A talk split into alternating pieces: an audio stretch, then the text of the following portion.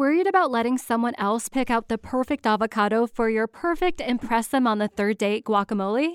Well, good thing Instacart shoppers are as picky as you are. They find ripe avocados like it's their guac on the line. They are milk expiration date detectives. They bag eggs like the 12 precious pieces of cargo they are. So let Instacart shoppers overthink your groceries so that you can overthink what you'll wear on that third date. Download the Instacart app to get free delivery on your first three orders while supplies last. Minimum $10 per order. Additional terms apply. The future is a hefty responsibility and not one that we take lightly. But then, taking things lightly has never been what Hefty is about. That's why we've created the Hefty Renew program that turns hard to recycle plastics into valuable resources like park benches and building materials. To participate, simply fill up an orange Hefty Renew bag with accepted items, tie it up, and drop it in with your regular recycling. That's it. It's that easy. It's time to rethink recycling with Renew. Particular valued resources may vary by geography. More info available at heftyrenew.com. Fighting Through Podcast, Episode 53 Sniper. There was a cry of help from no man's land, and turning round, I saw a man running round in circles. The noise of a German MG 42 being cocked and rounds entering the chamber commonly brought fear to Allied soldiers who heard it. Harry knew the noise well, and hearing it now, he was aware that at any moment Hitler's buzzsaw would try to cut him down. As the bread was baked, the 80 odd people at the front were served. The queue would shuffle forward as the next batch baked, and the whole process repeated all day. Harry concealed himself overlooking a place where the road emerged from a tree line, from where the engine noise was coming. With little delay, a German dispatch rider came into view riding a military motorcycle and carrying a message satchel. Hello again, and a warm World War II welcome to you.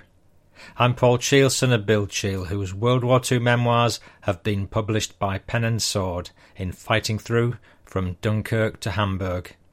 This episode is about snipers, and I really have some smashing tales to share and I've never heard any of them before. And top of the bill is a tale of a sniper, Harry Furness, from my dad's regiment, the 6th Green Howards, which I'm using with kind permission of the author of a book called Sniper. More about that later. Derek Whittle from South Manchester kindly made a contribution to the show and mentioned that he uses the Fighting Through podcast as listening material before he goes to sleep at night. Be careful doing that, Derek, because we have atom bombs and all sorts going off in this show, don't you know? So you need to be on the alert, mate. Before I go any further, I'd like to reach out to anyone affected by the coronavirus emergency and offer my very best wishes. It's possible you're quite surprised to see this episode popping up so soon, but I thought I'd try to do my bit for morale. So, for just this hour or so, at a time of strife, please do enjoy another episode of the Fighting Through podcast. Second World War history at its best. Here's a cracking story just to set the scene. It's about the secret British resistance during the Second World War. Ah, did you even know there was one? The story is taken from the BBC People's War website, and it's written by Bridget Hunter about her grandfather Magnus Kelde Smith who was in the British Secret Army. When the war first started, my grandfather was recruited into the Secret Auxiliary, a secret army or resistance. People were recruited and trained to gather and pass information in secret. One would be a hitman, sniper. My grandfather was a sniper. It was his job to pick out the enemy and shoot them.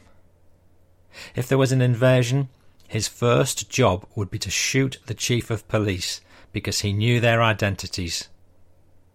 My grandfather was a farmer with a rifle, hence he would be the hitman. They had headquarters underground. It was deep in the woods in brambles. As a child, I remember that as I was going to bed, he was getting dressed into his warm clothes. He'd wrap his rifle in sacking and tie it to the crossbar of his bike and go out. When I asked where he was going, he said, rabbiting. In the 60s, we went out for a drive and he led us to some woods. We entered the woods with him guiding the way by looking at the trees. We came near a bramble patch, and he told my husband to move the bushes and undergrowth, which exposed a stone slab. It was lifted. There was a tunnel with rungs and steps down into it. My husband went down and found a room. All my grandfather would say is, Oh, it's still there. That's where I spent the war.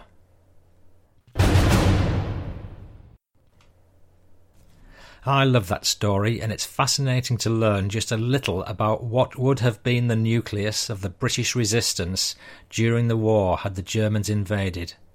I'd love to know if that little hideout is still there today. And I guess it is. I'd pay good money to have a sneaky look at it, even though I dare say it's just a miserable hole in the ground now, covered in bushes. But what a fantastic scenario. The Germans have invaded and wandering about seemingly invincible until, pow, our snipers wreak their havoc. The location of that story was in North Hertfordshire in England, so uh, if anybody knows anything about the whereabouts of that uh, hide hole, give us a shout. Thank you. This next story is called The Brigadier by Richard Patterson, an ex Lancashire Fusilier and the story is based in Kohima in India. The Battle of Kohima was part of the Japanese plan to invade India in 1944. If the Japanese were able to gain a strong foothold in India, they'd demonstrate the weakness of the British Empire and provide encouragement to Indian nationalists in their decolonisation efforts. This is just one story from Richard Patterson. We were in slit trenches on a hill known as 5120, its spot height, when the Brigadier arrived with his entourage to inspect the positions. He'd obviously been told that we were being hampered by Japanese snipers. As an ex colonel of our 1st Battalion, he was disgusted to find us all below ground. Snipers, he said. Get down there and sort 'em out. He walked a few yards along the track beyond our front then dropped with a sniper's bullet through his thigh. After being treated at the field dressing station, he had asked to be carried down to the valley by Lancashire Fusiliers. A sergeant announced this and called for four volunteers, as none of our stretcher bearers was available. Four of us, Cyril Livesey, George Glover, Lehman, and I, made our way to where the stretcher column was being organised. I then realised why our own stretcher bearers weren't available. It seemed that the column was made up of the sick and wounded from every unit in the brigade. Escorts also had to be found, or we'd have been easy targets if attacked. We set off along a track down the hill, but before long we were struggling as the track disappeared and each stretcher party was left to make its own way down the steep, wet, and slippery ground. Here and there we came across the roof of a shelter which the Nagas had built into the hillside. These were a godsend because they enabled us to park the stretcher for a short while, take a breather, and rest our aching limbs. The Brigadier, Hawkins, was a large man, over six feet tall. Towards the bottom of the hill, as we reached one of these shelters, a captain, unknown to us at the time, sitting on a boulder under his steel helmet and monsoon cape, started to give us instructions in a positively pompous and critical manner. Now, if you chaps would use a bit of common sense, he started. The fusilier behind me, Lehman, an ex coal miner from Pendlebury, Manchester, slithered down and confronted the critic. If you'll get off your bleeding arse and give us a lift, instead of making silly noises, we might do better he said, for all around to hear. Incidentally, Lehman was charged with this offence, but the charge was dropped after he was badly wounded shortly afterwards. I should also say that the officer, not infantry I seem to remember, was not typical. Our officers at Kohima and throughout the following campaign in Burma were their tops. We reached the valley with great relief as the rain was a steady drizzle but at last we were on the flat where we were to hand over the stretchers to Naga tribesmen, who were much more efficient at the job than we were. They were six to a stretcher and carried it on their shoulders. Without halting, they would change sides for relief as they chanted along. The brigadier, who must have been in agony during our hazardous descent, now told us to halt and try to ease his discomfort. His leg was raised at the knee and supported by a rolled blanket. Travelling along the valley, the halts became frequent, and so the MO took what must have been his first opportunity to move along from patient to patient, injecting morphia. The brigadier's gunman followed behind our stretcher, becoming more impatient at each halt. I remember him in a bush hat. We were in helmets, and he carried a Tommy gun slung on each shoulder. His boss was still trying to find a more comfortable position, and must have been cold, because at one stop he asked for his woolly. No one seemed to understand what a woolly was, until a Geordie in front of me said, He means his Gansey. We knew that the brigadier was fully conscious, but the Gansey halt was too much for his gunman, who stood reiterating, Come on, never mind him, he's delirious. I often wondered about the outcome but never saw either of them again. I've tracked down a load more stories from James Patterson, and they make very entertaining reading. There's a link in the show notes. This next story is also from the BBC People's War website, and uh, it's about a lady called Gerda Ann Honey. She was a civilian and this is located uh, in Berlin, 1945, at the very end of the war. On the 1st of May 1945, the Russians famously raised the red flag on the roof of the Reich Chancery, and on the 7th of May, VE Day declared, and the war was officially over. The fighting may have ceased, but the war for Berliners was now a fight for survival a battle to find something to eat. My mother was nineteen years old. She lived on Falkensee Chaussee, a broad boulevard running through Spandau in the northwest of Berlin, with her parents in a first floor flat. On the ground floor lived her best friend, Rosie Buvach. Rosie was six years her elder and married. The block of flats in which they lived ran at right angles to Falkensee Chaussee. Just a stone's throw away was a small parade of shops, which included a bakery. The devastation of the city meant that only a handful of bakeries survived, and that any still operating drew custom from several kilometres around. If the British think they're a nation of cures, then they were not in Berlin in 1945. In order to buy your bread, you were required to queue. The etiquette of the queue was heavily defined. No queue jumping. No preference for anyone. No exceptions. If you left the queue, you rejoined at the back. On joining the queue, you'd probably be number four or five hundred. As the bread was baked, the eighty odd people at the front were served. The queue would shuffle forward as the next batch baked, and the whole process repeated all day. Early after VE Day, my mother had been queuing for several hours when walking down the street there appeared a Hitler Junge. A boy of thirteen or fourteen, still dressed in his army uniform. Younger, Younger, someone cried out. What on earth are you doing? I'm going home to Hakenfeld. You cannot, you must not. The Russians have snipers lining the whole of the street from here. The crowd pleaded with him, imploring him not to go on, but he wouldn't agree. My mother stepped forward. Look, I live two minutes from here. Take my place in the queue, and I'll fetch my tracksuit. If you must go, at least disguise yourself.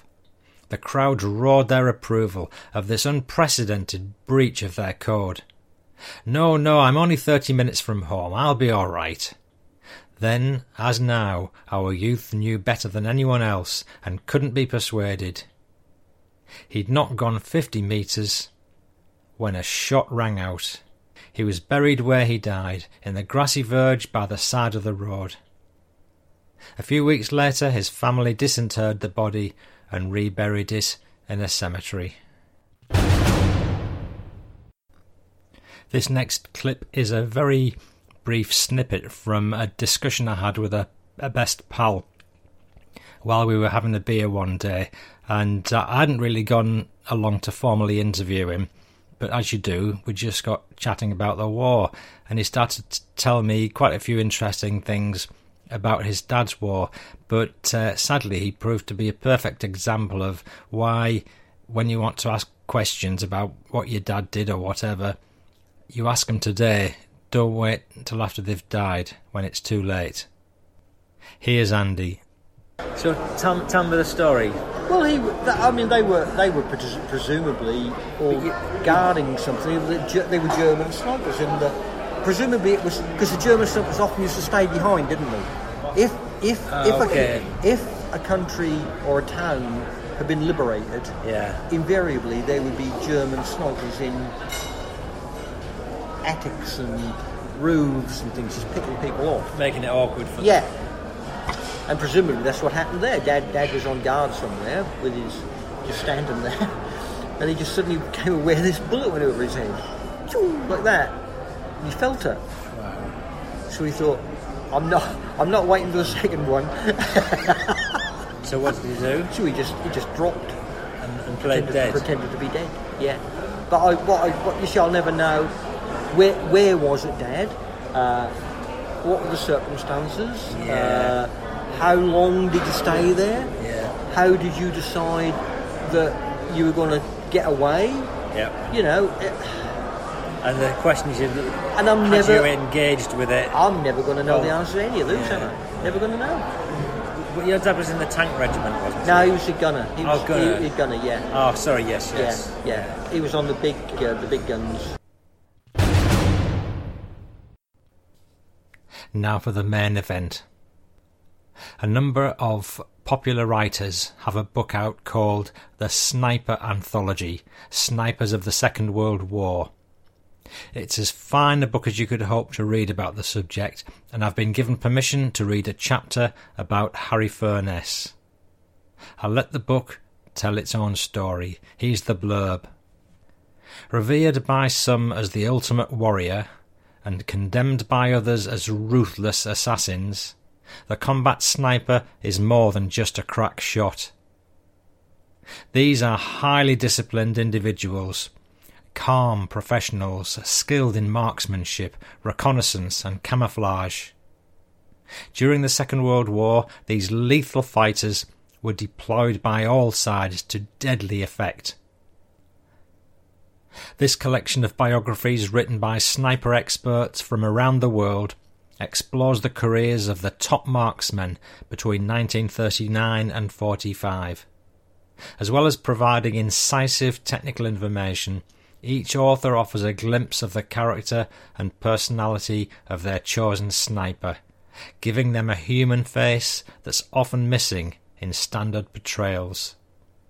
These gripping, in depth narratives go beyond the cursory treatment in existing histories and will be essential reading for anyone wanting to learn about the role and technique of the sniper during the Second World War.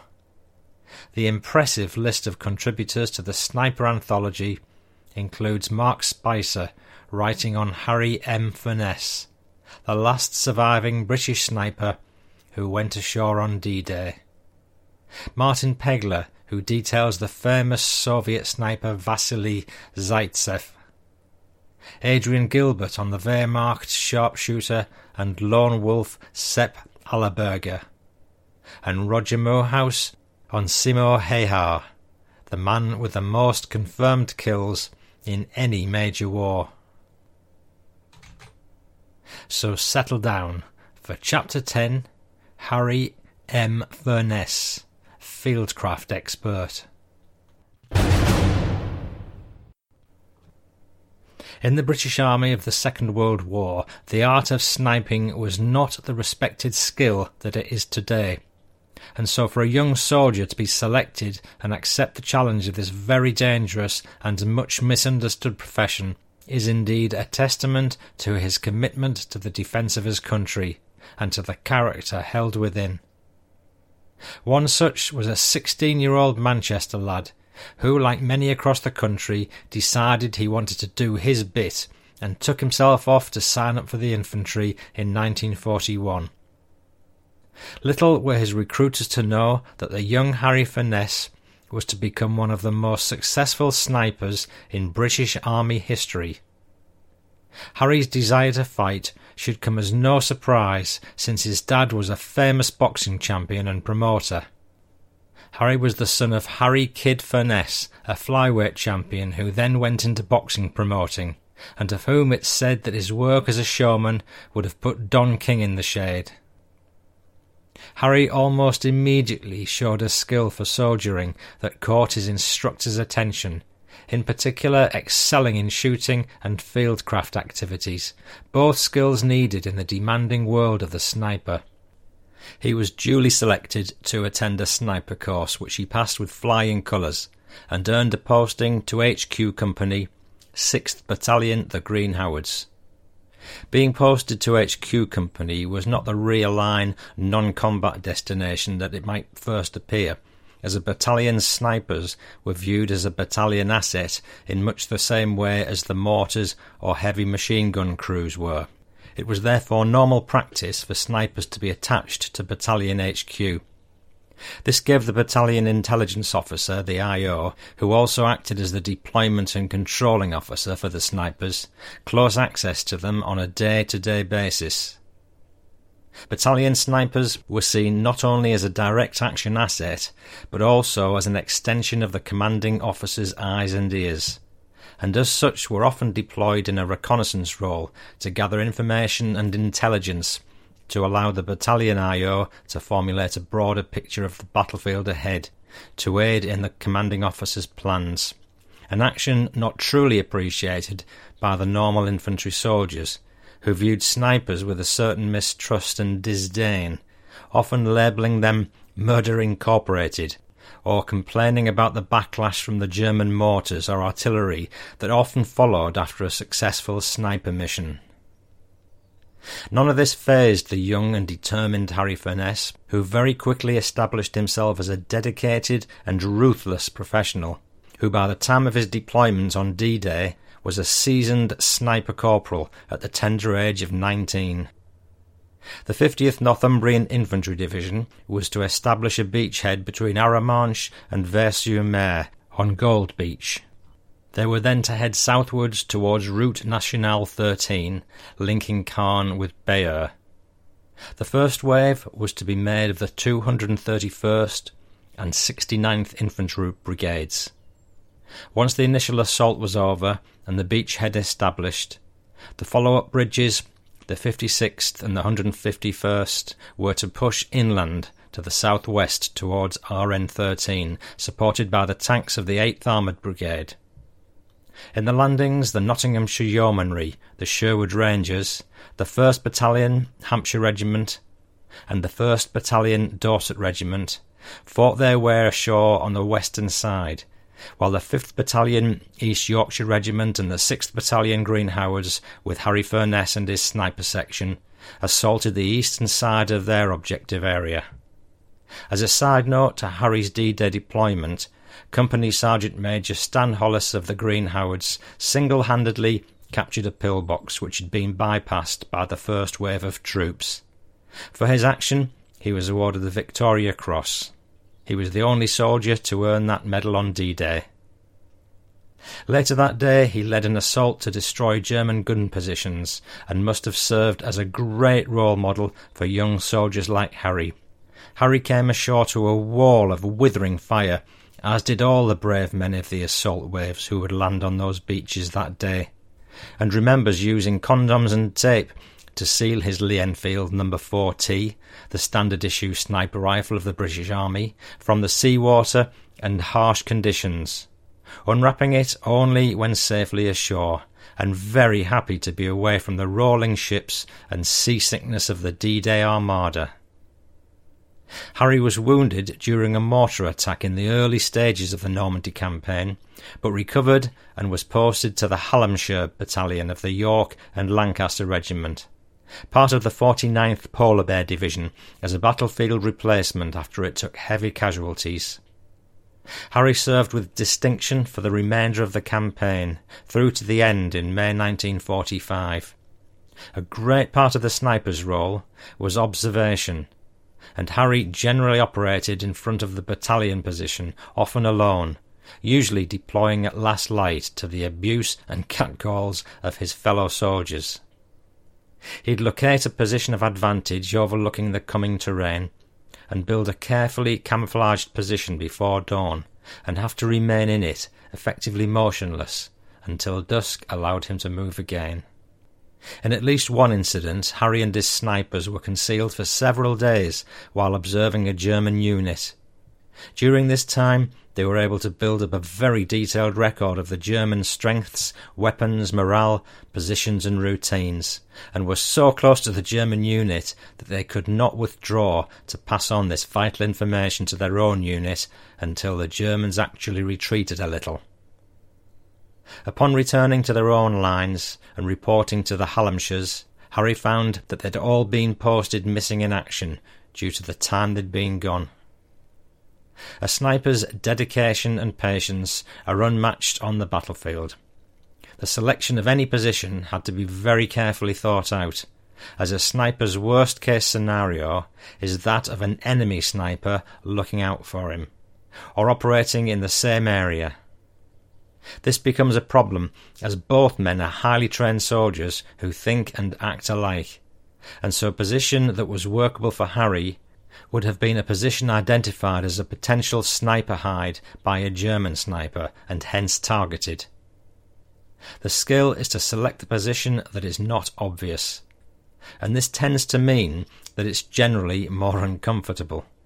German snipers were very well respected and feared opponents, and Harry was to meet and kill several of them in the coming months.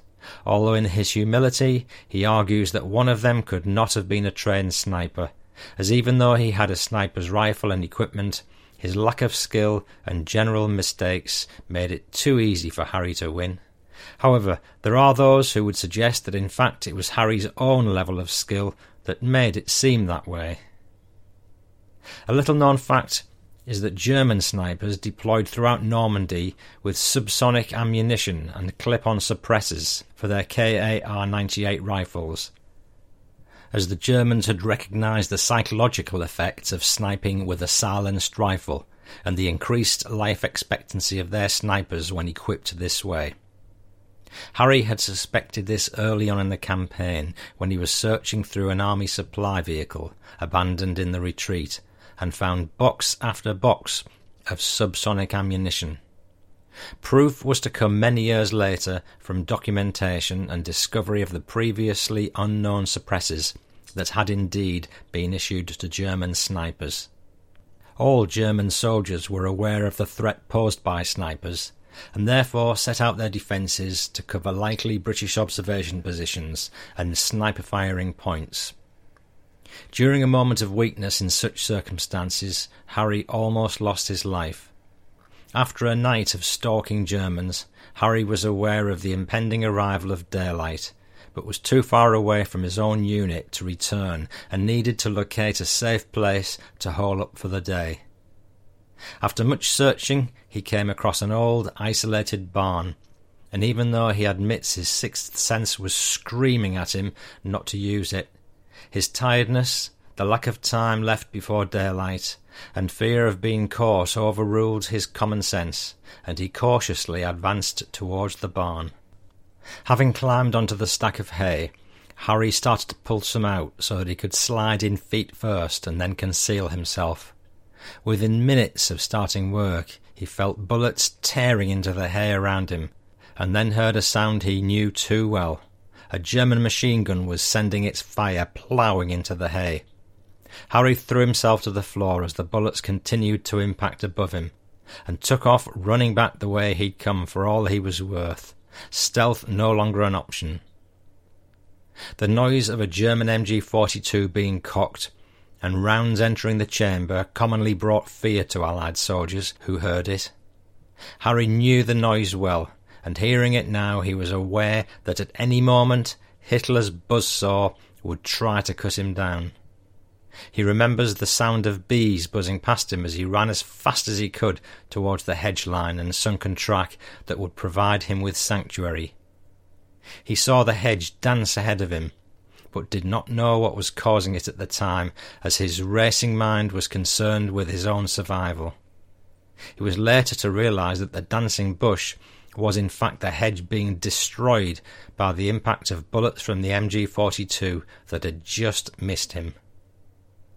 As Harry approached the hedge, he summoned up all his strength and launched himself headlong over the foliage and down into the safety of dead ground, hardly feeling the impact on the floor before being up on his feet again and running away from the area as fast as he could. He became aware of the fact that his left leg wasn't functioning properly, as his stride was awkward and ungainly. But at this stage he had no time to check his wounds. After a run of over a kilometre, Harry fell into a patch of dense foliage to catch his breath, prepare a fighting position in case of pursuit, and to check his leg injury. And it was now that he found out how close to death he'd come. Looking down at his leg, he found no signs of any injury, but when he touched his boot, he found that it had in fact been all but shot off by rounds from the German machine gun.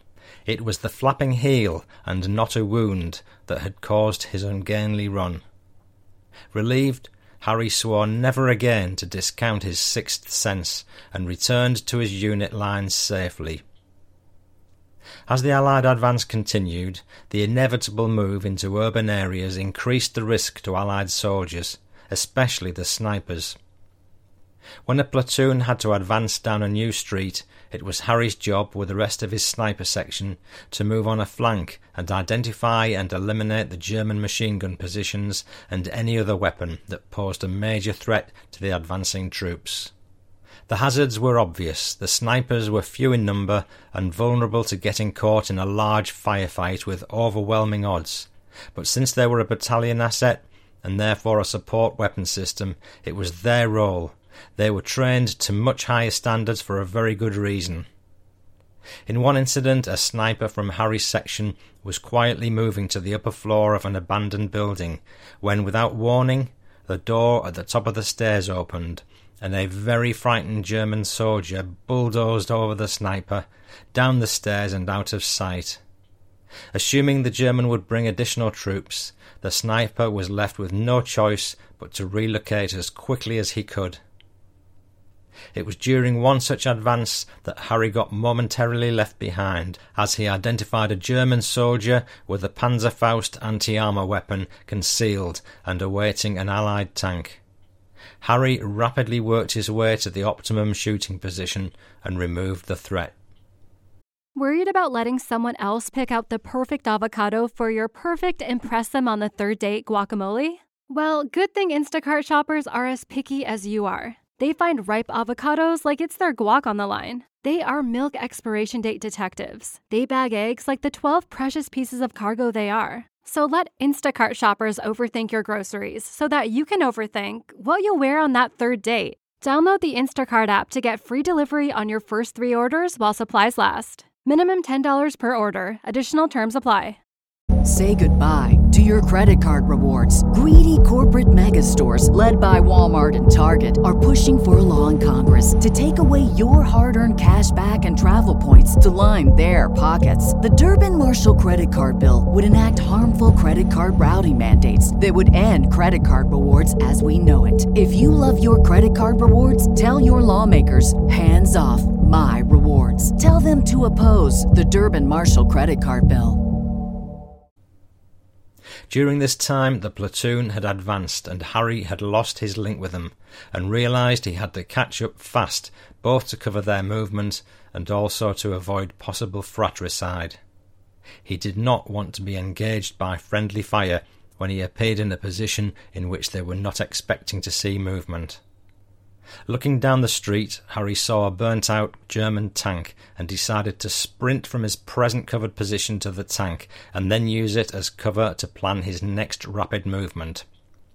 As his heart raced, he fully expected to hear weapons fire the second he brought cover. He sprinted straight towards the disabled German tank. After what must have seemed an age, he found himself sliding under the protective armour of the tank beside its tracks, and looking further down the street to a corner his next objective. With the next bound decided, Harry was poised to break cover again and sprint for the corner, when he became aware of German voices coming from inside the tank, and to his horror he realized that it wasn't disabled at all, and was indeed manned and fully functional. No doubt waiting to ambush the Allied Sherman tanks. Harry had no choice, as to stay there would invite certain death sooner or later. So Harry ran for his life, expecting to be cut down by the tank's machine guns as he went. Harry's luck was to hold, and gasping for breath, he rounded the corner and got out of line of sight of the tank's gunners. Still trying to regain his breath, he risked a look back round the corner as the soldier in him took over and he looked for vulnerabilities he could exploit on the tank. Open hatches, exposed fuel cans, even track linkage can be targets for a sniper with armour piercing ammunition, a type all Allied snipers carried. Harry's professionalism led him to overcome the fear he'd just faced and resumed his role of destroying the enemy. So he scanned for potential targets. It would appear that the tank crew had no idea that a British sniper had just used them for cover to advance down the street. They never fired, and instead started up and moved away while Harry was looking for targets. With no shots available, Harry resumed his role protecting the platoon as it advanced on its mission, its members unaware of the life threatening situation one of their snipers had just faced. As the campaign moved into Holland, Harry was called forward to assist the men of a company who were taking a large number of casualties from a German sniper concealed somewhere ahead of them. After receiving his brief, Harry set out with one of the company's officers to locate an observation position from which to carry out his counter sniper task.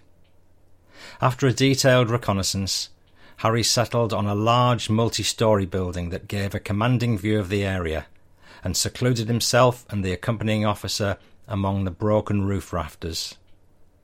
There then began the long and laborious task of searching and scanning the ground ahead of them for likely enemy sniper positions, and both Harry and the officer spent much time using the binoculars to try and locate the German sniper. After a period of several hours searching, the officer had to return to his unit, and this left Harry alone to continue the task. As the German sniper hadn't fired for almost a day now, Harry wondered if he'd withdrawn to a new location, waiting to ambush the advancing Allied troops again, thereby delaying the advance a second time, a common sniper tactic. At this time, a building almost opposite Harry and some 400 metres away caught his eye. The building had been hit in the fighting and now had broken windows and damage to the wooden walls that had left several planks swaying every time a gust of wind blew. As Harry watched through his scout regiment scope, he spotted what he believed to be a slight movement in the shadows of one of the damaged planks, and quickly swapped his spotting scope for his rifle and waited. As Harry continued to watch, he saw what he considered to be a hand moving to lift the damaged plank slightly, and he aimed and fired at the area he assessed would hold the body belonging to the arm he could now make out in the shadows. After watching the area for another hour and seeing no further movement, Harry withdrew to the company location and briefed the company commander on what had happened and his belief that the German sniper now lay dead in the building he indicated. That night, the company sent out a fighting patrol to snatch a prisoner for HQ to question. During this foray, a corporal and two men from the patrol entered the building Harry believed the German sniper was in. On their return to the British lines, the corporal sought Harry out and handed him a German four power telescopic sighted G43 sniper rifle that they'd found in the building on top of a table set back in the shadows, and that in front of it, next to the house's wooden walls, was the dead body of the German sniper, hit in the head by Harry's bullet. He kept the telescopic scope, but not the rifle, as he did with all sniper against sniper incidents. The rifles were too heavy to keep, and using them with their different sound to allied weapons would invite friendly fire. Harry ended the war with several enemy telescopic sights in his possession and kept them for many years before finally parting with them reluctantly for financial reasons. Due to the high levels of stress and the physical effort required during a sniper mission, snipers are trained to operate as individuals to allow them to continue the fight even if one is killed, but even so are generally deployed in pairs to reduce the workload and stress. Harry Furness preferred to work alone, and it makes his achievements even more impressive. Deploying alone and in advance of your own unit had many disadvantages, as with the loneliness of being isolated, often far from immediate friendly supporting fire or backup. It was not uncommon for units to forget or even discount their deployed snipers if a major opportunity presented itself. Many a sniper found himself left behind with only his skills as a soldier to aid him in surviving and finding his parent unit again.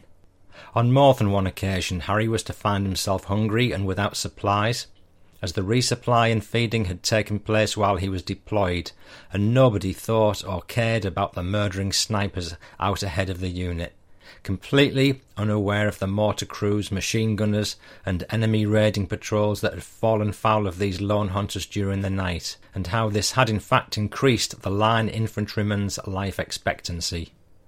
It was to be another sixty years or more before the sniper would receive the accolades he deserved from his fellow soldiers and the world's media. Harry's time was largely spent searching and scanning the ground ahead of his unit, looking for signs of German positions, equipment, and of course, German snipers. To do this, he would have followed the taught methods of searching and scanning the issued seven magnification binoculars. Binoculars of the type that I, the author of this story, was myself issued with, still stamped 1944 on the side, some fifty years later thanks to the lack of investment in sniper equipment.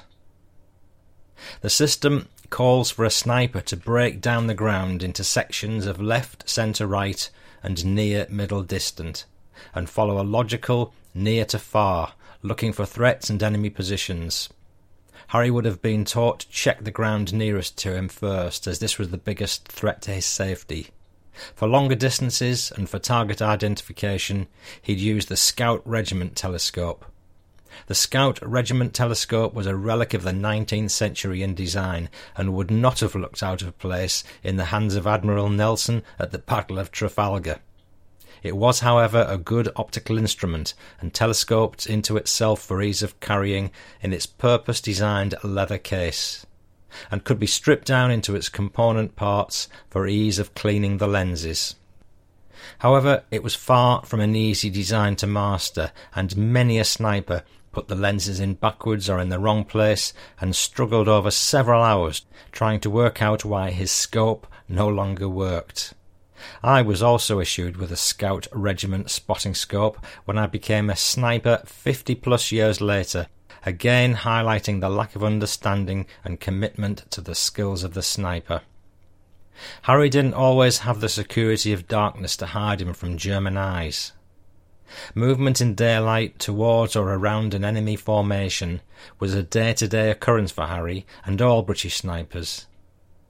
When it was essential to move during daylight, this was done with extreme care and generally by crawling, unless the sniper was concealed by cover. A sniper's role is that of gathering intelligence and engaging targets of opportunity to reduce the enemy's ability to fight.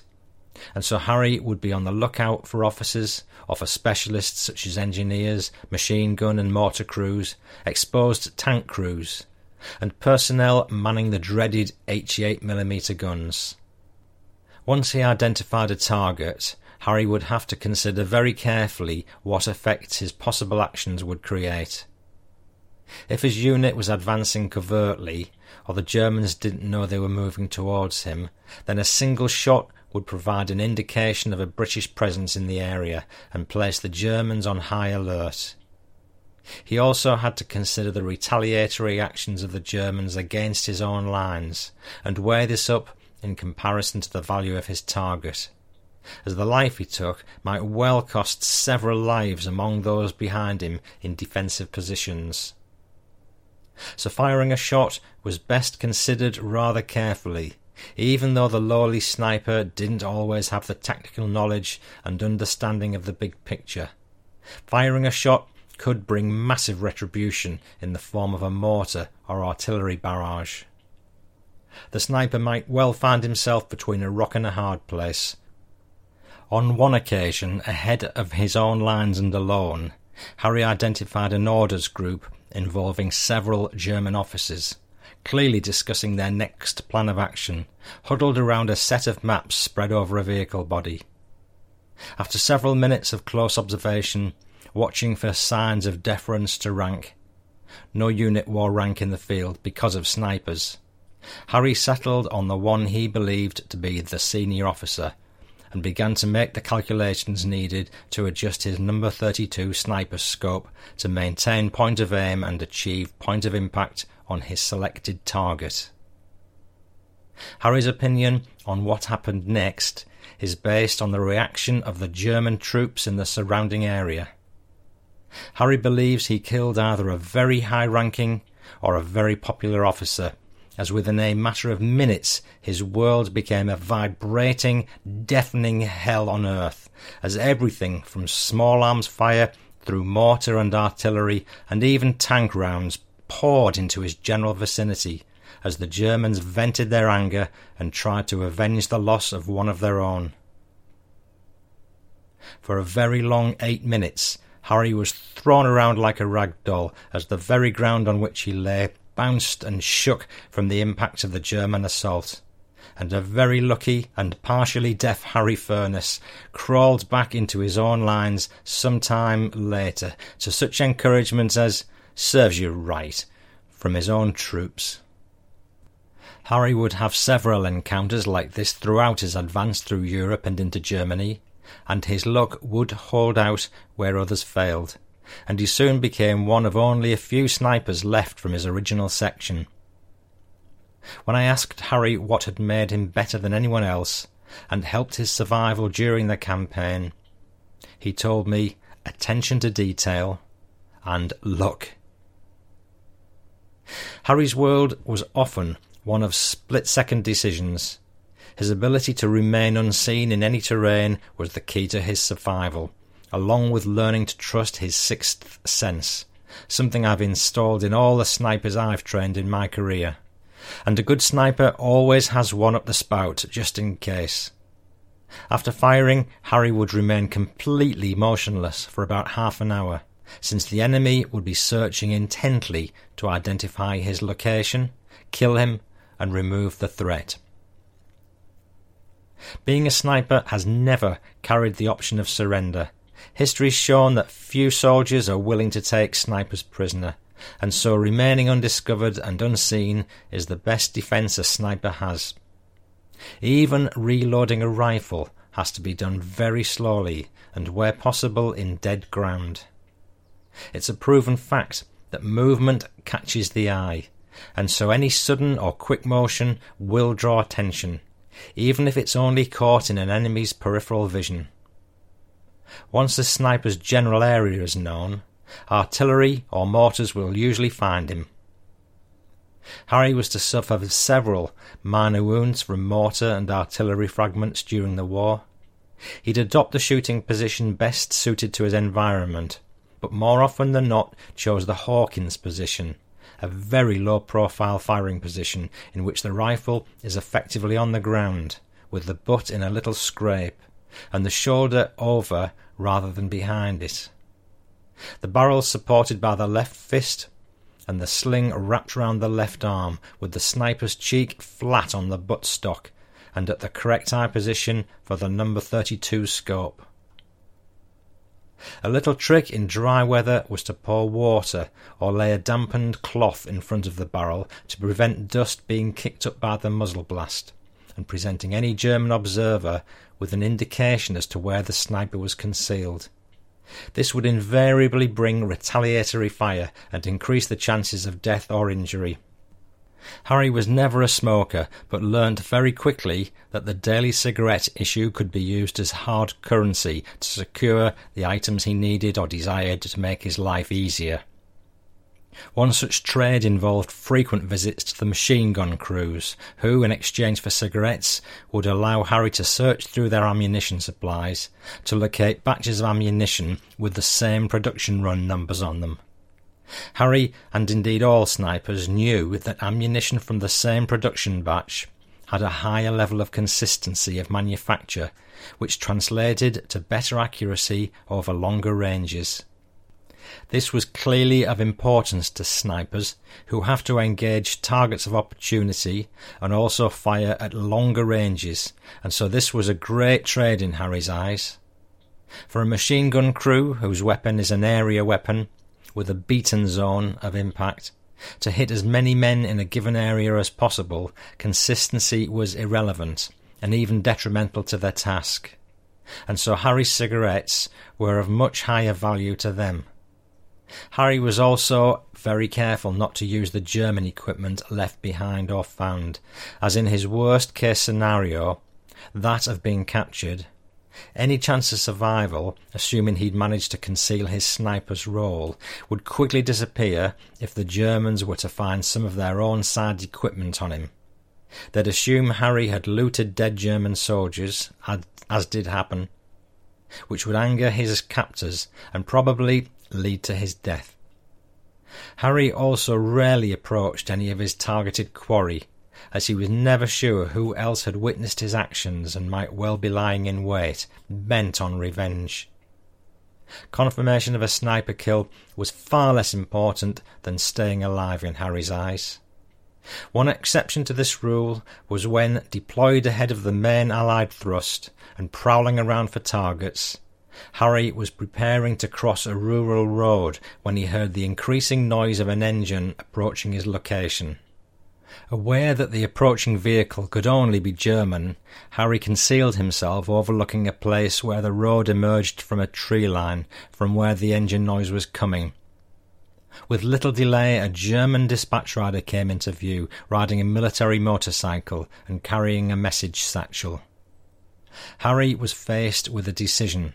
The satchel could contain vital intelligence, but he'd not watched the area long enough to be sure there were no German units concealed in the tree line opposite, and so firing could expose his own position.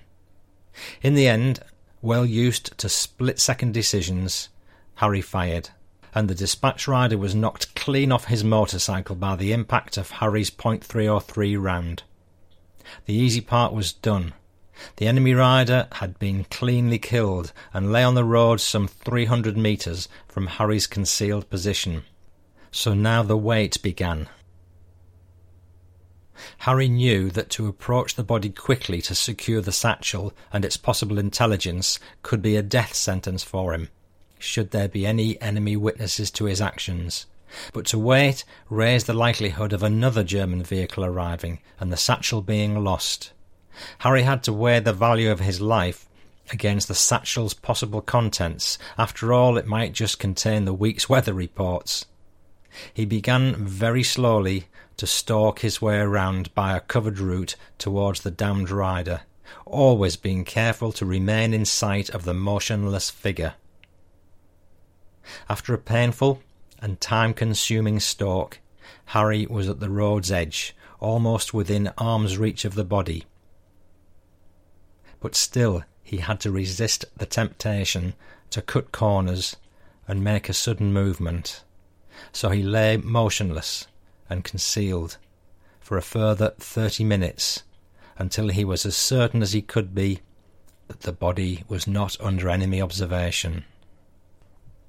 With heart racing and sure he'd hear the sound of gunfire as soon as he rose, Harry broke cover and moved to the body, retrieved the satchel and a Luger handgun from the rider's holster, ever aware of the trade value of such an item, which overruled his fear of being caught with it. He was later to sell it to an American soldier. The satchel now slung around his body, Harry started the long stalk back to his own lines, where he'd hand in the bag to the information officer, never caring to ask about its contents, merely intent on doing his job. Harry's war would come to an end on the outskirts of a small German village, where, having received the order to halt all movement and be prepared for a ceasefire, Harry's commander deployed him, alone as usual, to scout ahead and around the village for German forces, just in case they were told to resume the advance. After circumnavigating the village, he found himself concealed a short distance from a German girl in her late teens, hanging laundry on a washing line to the rear of her home. Having been very active over the last few days, and having missed all meals, Harry was very hungry, and so he made a calculated risk to expose his position and approach the girl and ask for food. His hunch that the girl wouldn't run or panic was a sound one, and in true German hospitality, she led him into the house, introduced him to her elderly parents, who then prepared him a meal from the meagre rations they had, a sign of the respect the German people had for soldiers, be they their own or others. Being touched by the generosity and hospitality of the family, not to mention the obvious beauty of the young girl, Harry went back to his commander, reported that the village was indeed devoid of any and all military units, and proceeded to trade all his booty for tea, coffee, sugar, and other foodstuffs. He then stalked into the woods and shot a deer, and with this and all his traded food returned to the house and repaid the kindness showed to him the day before. Harry's unit did then indeed receive the order to cease all hostilities, and the war in Europe had come to an end. For Harry, the end of the war had started a new chapter in his life, and his relationship with a young German girl would develop into a love that lasts to this day. The very successful British sniper would spend the rest of his life with the German girl he met at war's end. That passage was taken from the chapter written by Mark Spicer, who himself was a sniper in the British Army later in the 20th century. And there's more for you to read about Harry in the book, which is the sniper anthology Snipers of the Second World War, available from Greenhill Books. It includes contributions from a variety of authors, and it's actually just been reprinted in paperback. Um, always a sign of a good book, methinks. If you think you might want to buy it, there's a link in the show notes to Amazon. As I've prepared this episode in double quick time, I haven't prepared an unheard PS on this occasion, but I'm going to finish off with an extract from the Gallipoli episode about a sniper. I'm sorry if anyone's only recently listened to this, but the passage fits the subject matter so well it would be a shame not to include it. So I'll say toodle pip to those who might want to leave now, and I'll just let this story end the show. Thank you so much for listening. Please do hear me next time, and I sincerely hope you come through this corona crisis unscathed, with your health, wealth, and work all intact. P.S. This story is taken from the memoir of the Battle of Gallipoli, written by Sergeant Fred Reynard. He was in the 8th Battalion, the Hampshire Regiment, Princess Beatrice's Isle of Wight Rifles. The brigade landed at Suvla Bay, Gallipoli, on the 10th of August 1915, when Fred was aged 22. The lads stood about in little groups, for some having their last chance of a chat with their pals. My pal was a lad from Wootton near Bedford, Dink Watson by name, and we made our arrangements over what to do in the event of either going under. A good lad was Dink. The hour arrived, then the first order. Over the side you go! And soon hundreds of dark shadows were making their way down ladders onto small boats the navy had placed alongside. Full up, sir! A midshipman shouted. Then, Away you go! The answer came, and I found myself in one of a string of boats being towed ashore by a naval pinnace. Sometimes straight, sometimes in a bow, we went skimming over the water. The dark outline of the shore began to show up, and nothing happened. We were to make a landing undetected, I thought, but I thought too soon. Another fifty yards, then hell let loose. A hail of machine gun and rifle fire swept through us. Men slumped across the oars. Now it was a case of every boat for itself. The Turks had placed barbed wire just under the water, and boats stuck fast, and its men soon wiped out. My boat was lucky to find a gap through which we passed to the beach, and we scrambled out onto the shores of Suvla Bay, Gallipoli, 1915. Our machine guns were to follow us in after a landing was made, so I had my section with just rifles. Other boats were getting through, and I gathered my section. I'd only lost two, and sheltered behind some rocks until we could establish a line to go forward. Then the firing stopped, and with a yell of Allah! Allah! The Turks charged. They bore down on us like fiends, and soon I was fighting for my very life. Three more of my section fell, never to rise. We fought like tigers, sword, butt, and everything. I found myself in an uncomfortable position, but Dink Watson was there to save me. Once my sword jammed tight in a Turk's equipment, and I was disarmed. I was kicked in the shins and I went down, a big Turk trying to gouge my eyes out. Then a limp body fell across me, and Dink had again saved my life. Thrust and counter thrust, kill or be killed. Another rifle was thrust into my hand, and the fight swayed both ways. But all the time more were getting ashore, for the 162 Brigade were landing. We'd gone inland about five hundred yards, and the shore was strewn with dead and wounded. Then some order was restored, and we got dug down in earnest. Days later, a tragic incident happened, one which was to prove a turning point in my army life. There was a cry of help from no man's land, and turning round, I saw a man running round in circles. He was either mad or blinded. It was the latter. But there was something else, a figure of a man running towards him, and that man was Dink Watson. I saw Dink reach him, and then he fell wounded himself. No time to think then, and I found myself running towards my pal. The fifty yards I must have covered in record time, but I reached him, and he was still alive. He said, Sergeant Freddy. Where my strength came from, I shall never know but I threw him over my shoulder as if he was a child and started back with a hail of bullets following me. Something hit my side and it pained a little, then a bang on the chest as I stumbled with Dink into our shelter. Dink was dead, so we could do nothing for him. So I had to look to myself. A bullet had broken my bayonet off short and had driven the steel of the scabbard into my hip, tearing the flesh apart. Another had hit the prayer book I carried in my breast pocket, and the steel mirror inside had deflected it and so saved my life. And the mirror was one that Dink had given me. I was filled with remorse and sorrow, for I'd lost a good pal.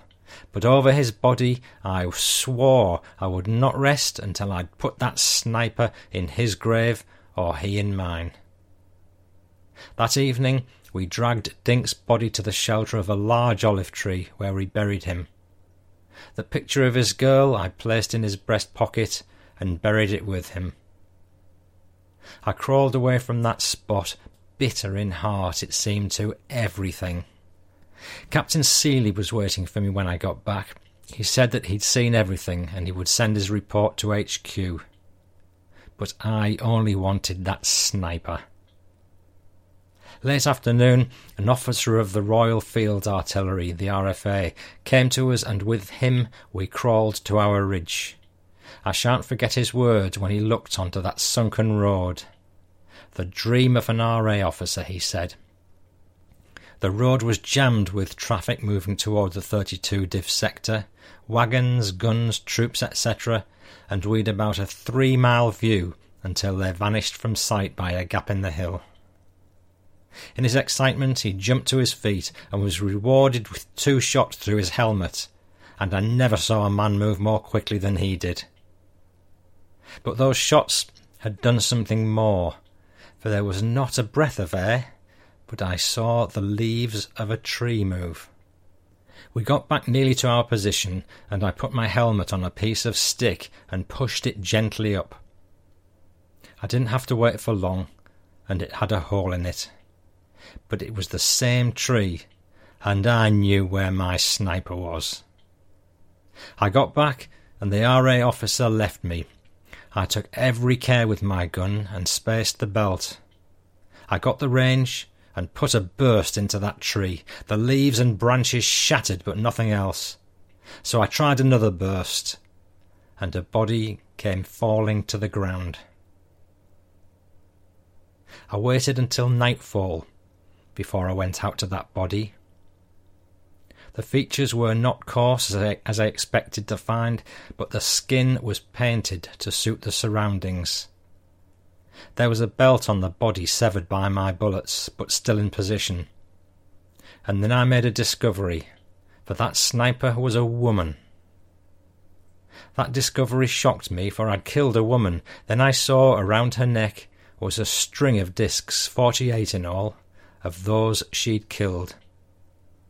And five men were of my own battalion.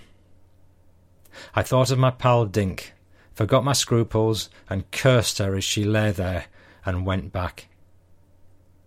We were never troubled with a sniper at Anafarta again. Whew. Do you know, to think that Fred Reynard was only 22 years old and out there bravely fighting our battles. Amazing. I'm Paul Cheall saying bye bye now.